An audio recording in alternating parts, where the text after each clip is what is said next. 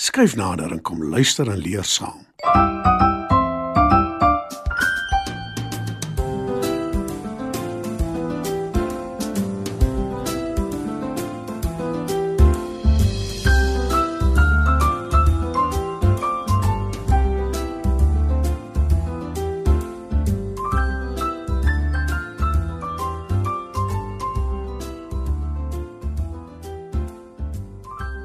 Goeienaand maats. Welkom by nog 'n episode van Opskud. Vanaand se storie is Eusebius die slim seekat. Maar eers musiek.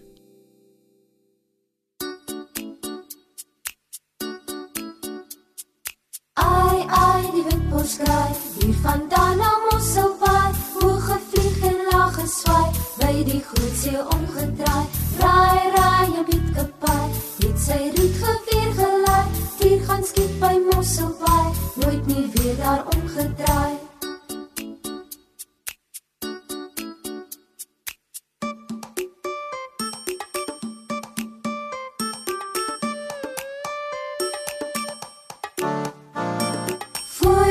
Fooi Stefan se toy, het gaan kuier by 'n nooi met sy rietperd in die paai, dadelik weer daar omgedraai. Ai ai die witbos kraai, hier vandaan na Mosselbaai, hoog gevlieg en laag geswaai, by die groot see omgedraai.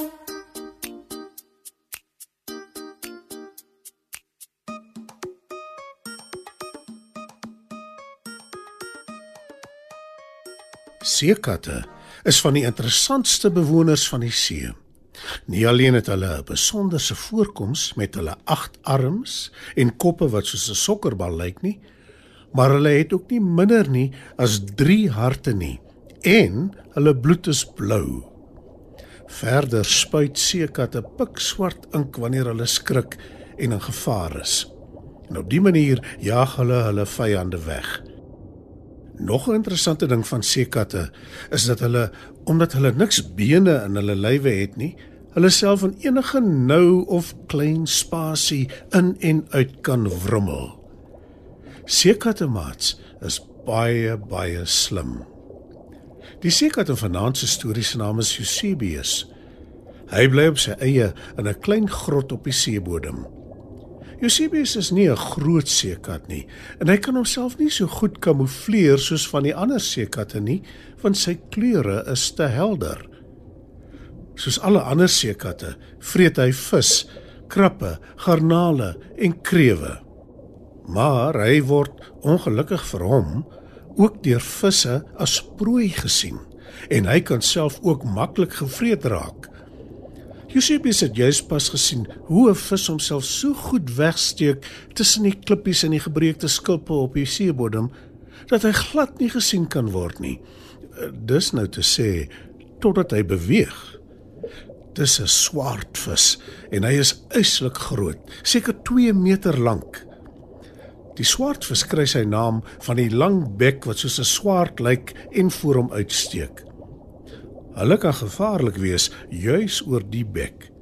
En Eusebius weet sommer dadelik die vis is lus vir hom. Ek kan nie my oë vir een oomblik van die swaardvis afvat nie. Want as ek nie weet waar hy is nie, is dit verby met my. sê hy. Maar toeskielik besef hy dis klaar te laat. Hy weet nie presies waar die swaardvis is nie, maar hy is wel seker die vis hou hom dop en hy wag sy kans af om hom te verslind. Wat maak ek nou? Ek is nie van plan om vandag opgevreet te word nie. sê hy benoud. Hy weet hy moenie vinnige bewegings maak nie. Die swaardvis moet ook onder geen omstandighede agterkom hy is bang nie, want dis wanneer hy hom aan een van sy arms gryp. Die seekat wonder wat om te doen staan.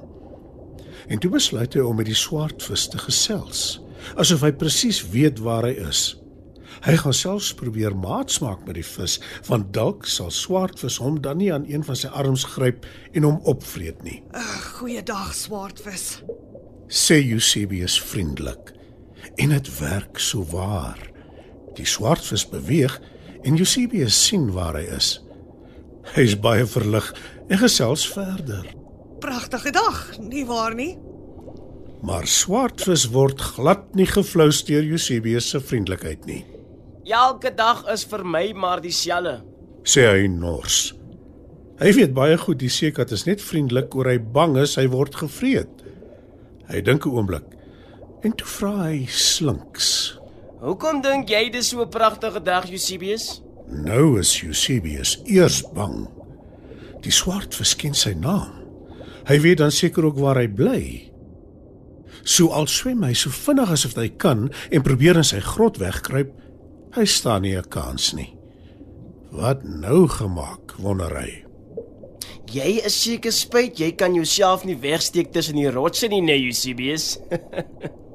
Oor jy so helder van kleur is. Lag swartvis. En nou weet Eusebius sy doppie is geklink. Maar swartvis begin nou die speletjie geniet en hy verdwyn tussen die los klippies en skulpe. Eusebius staar stip, maar hy kan die vis nou glad nie sien nie. Maar hy weet die vis is daar. En hy weet meneer Swartvis wag net sy beurt af om hom aan een van sy agt arms te gryp en nader te pluk. Eusebius die seekat kan maklike arm afstaan want daar sal net weer 'n ander een groei. Waarvoor hy bang is, is dat die skelmvis hom huitjie en muitjie wil opvreet. En toe skielik sien die seekat 'n diepsee duiker nader swem. Hy dra 'n duikpak en hy het 'n bottel suurstof op sy rug. Hy het ook 'n harpoen in sy hand. Dis 'n wapen wat amper soos 'n swaard lyk. daarmee kan hy homself verdedig of hy kan 'n vis of 'n seekat doodsteek en dan gaan eet, Ek is tussen die duiwel en die diep blou see. sê Eusebius. Dit beteken hy het twee keuses en nie een van hulle waarborge goeie gevolg nie. Maar hy gryp die geleentheid. Hy swem na die duiker toe en klou aan hom vas. Die verbaasde duiker swem dadelik oppervlak toe met die seekat wat verbeete aan hom klou met sy agterarms. By sy bootjie aangekom, wil hy die seekat losmaak en in die boot sit, maar Eusebius glip los en swem vinnig weg. Swartvis het alles dopgehou en hy is stom geslaan. Hy kan nie anders as om die seekat te bewonder nie, Lyk my ek is vandag uit oorlê deur 'n seekat. sê hy. Maar hy is nie eers vies nie, want as jy so slim is, verdien jy om weg te kom.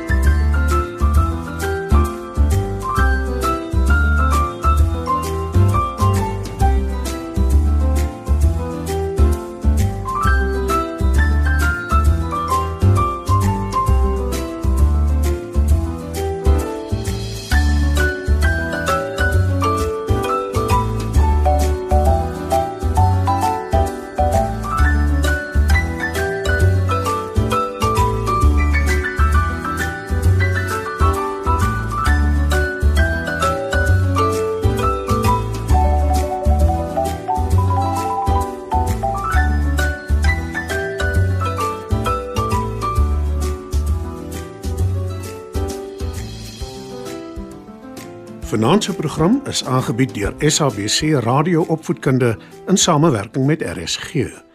SABC Opvoedkunde Enriching minds, enriching lives.